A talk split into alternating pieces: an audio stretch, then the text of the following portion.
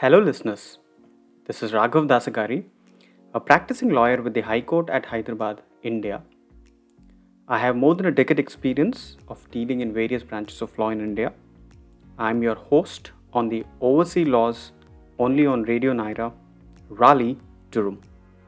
Broadcast on three frequencies 99.9 FM HD4, 101.9 FM, and 1490 AM. So, today's talk show is going to help you when or if you're considering to opt for a child through surrogacy. Yes, surrogacy has been in limelight ever since some famous personalities like Shah Rukh Khan, Aamir Khan, Karan Johar, to name a few, had their children through surrogacy.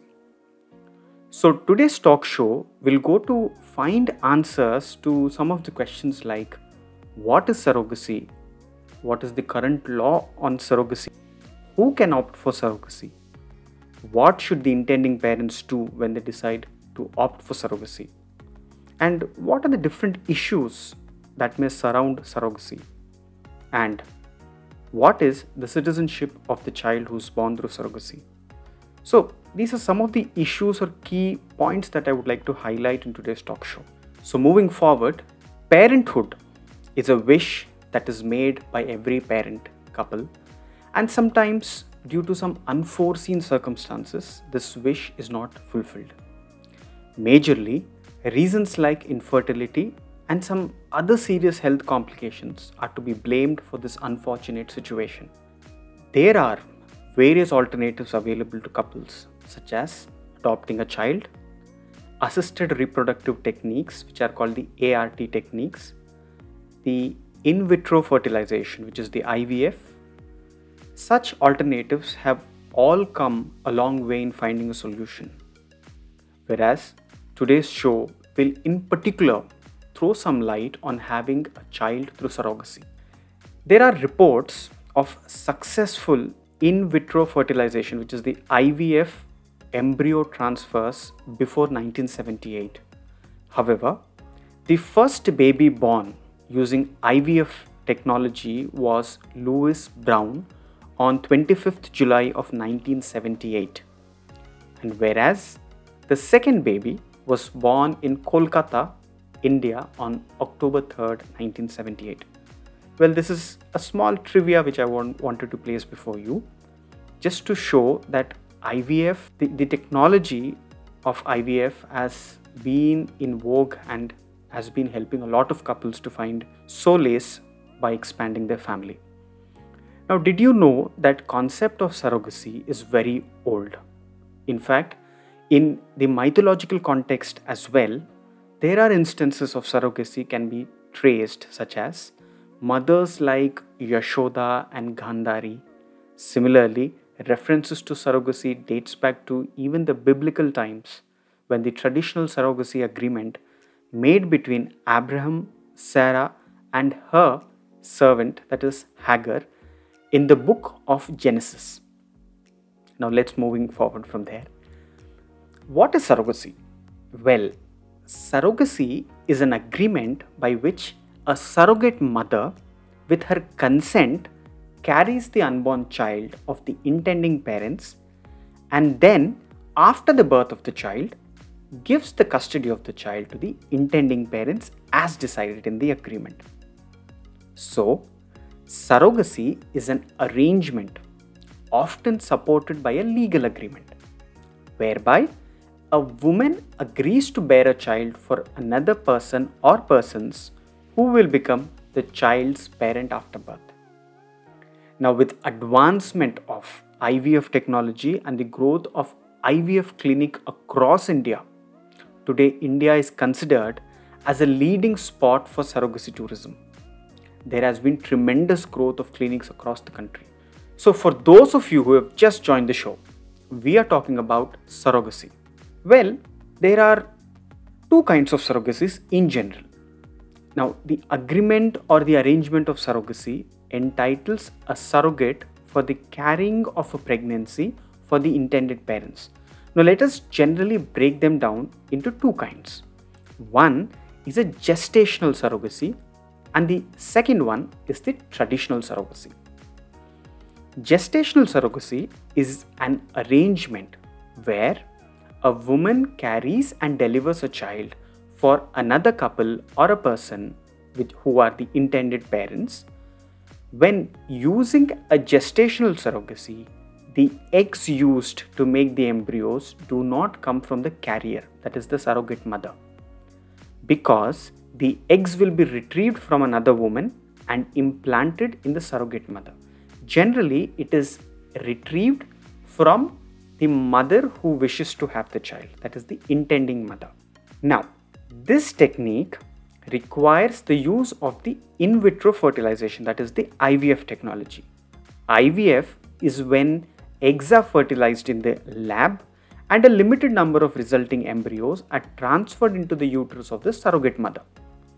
Now, whereas when you come to the second kind of surrogacy, that is the traditional surrogacy, the expected child is genetically related to the surrogate as the surrogate is impregnated artificially by the sperm of either the intending father or sperm donor.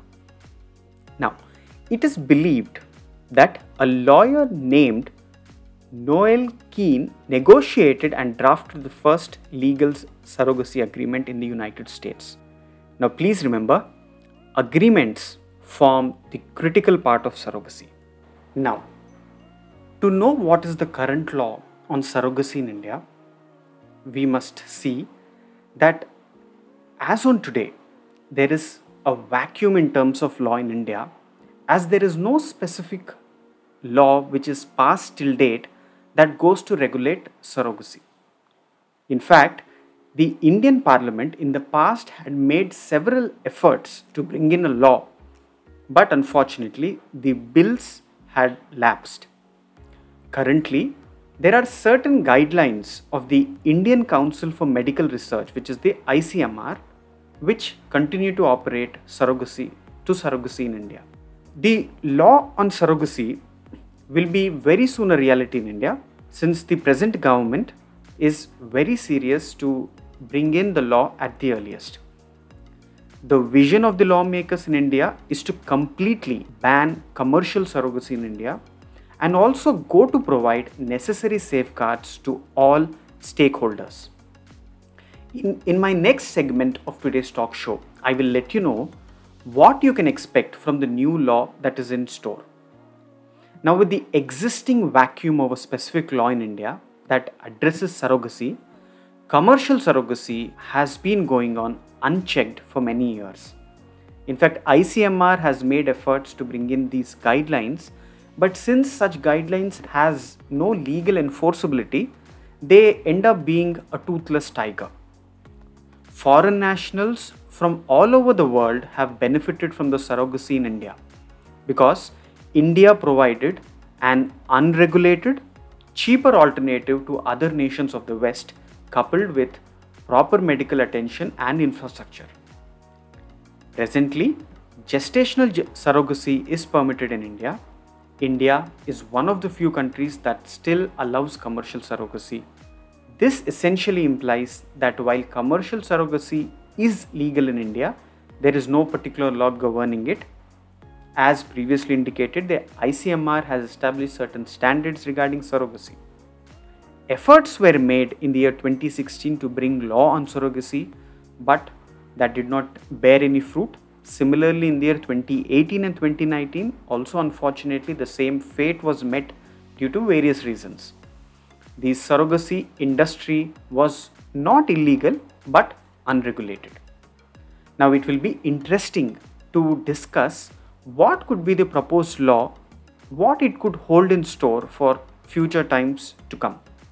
Well, if the law is to be analyzed on the basis of the bill that is being contemplated by the government of the day, it states that there would be a complete ban on commercial surrogacy and only altruistic surrogacy, that is, surrogacy where no commercial consideration is taken in return will be permitted. We can also expect prohibition on foreign nationals from availing surrogacy services in India. Surrogacy could also be restricted to a married couple to the exclusion of unmarried, single persons, and persons in live in relationships. The bill also predominantly proposes to allow, limit altruistic, ethical surrogacy to intending infertile Indian married couples only between the ages of 23 years to 50 years for women and 26 years to 55 years for men. Couples should be citizens of India or non residents of India, or they can also be overseas citizens of India. There are, however, some caveats for a couple of Indian origin opting for surrogacy arrangements. They cannot have a surviving child, either biological or adopted, except when they have a child with a mental or a physical disability or who suffers from a life threatening disorder with no permanent cure. This unfortunate position must be confirmed by the appropriate authority with the due medical certificate from a district medical board. No woman shall act as a surrogate mother more than once in her lifetime. The other condition could be single women cannot opt for surrogacy arrangements, but exceptions being carved out for widows and divorcees. The 2020 surrogacy bill also provides that divorced and widowed women aged between 35 and 45 should be able to be a single commissioning parent, surrogate mother, to be a close relative of the couple, and restricting a woman's participation in the surrogacy process as once in a lifetime measure. And finally, by restricting surrogacy in India to altruistic surrogacy, what I've just previously told you, that is surrogacy without extending any benefits. So, we are taking a quick break and we'll be back after these messages. After the break, I will tell you what are the sticky issues around surrogacy, what should the intending parents carefully consider before opting to have a child through surrogacy, and the billion dollar question the citizenship of the child born through surrogacy. So, please stay tuned with us.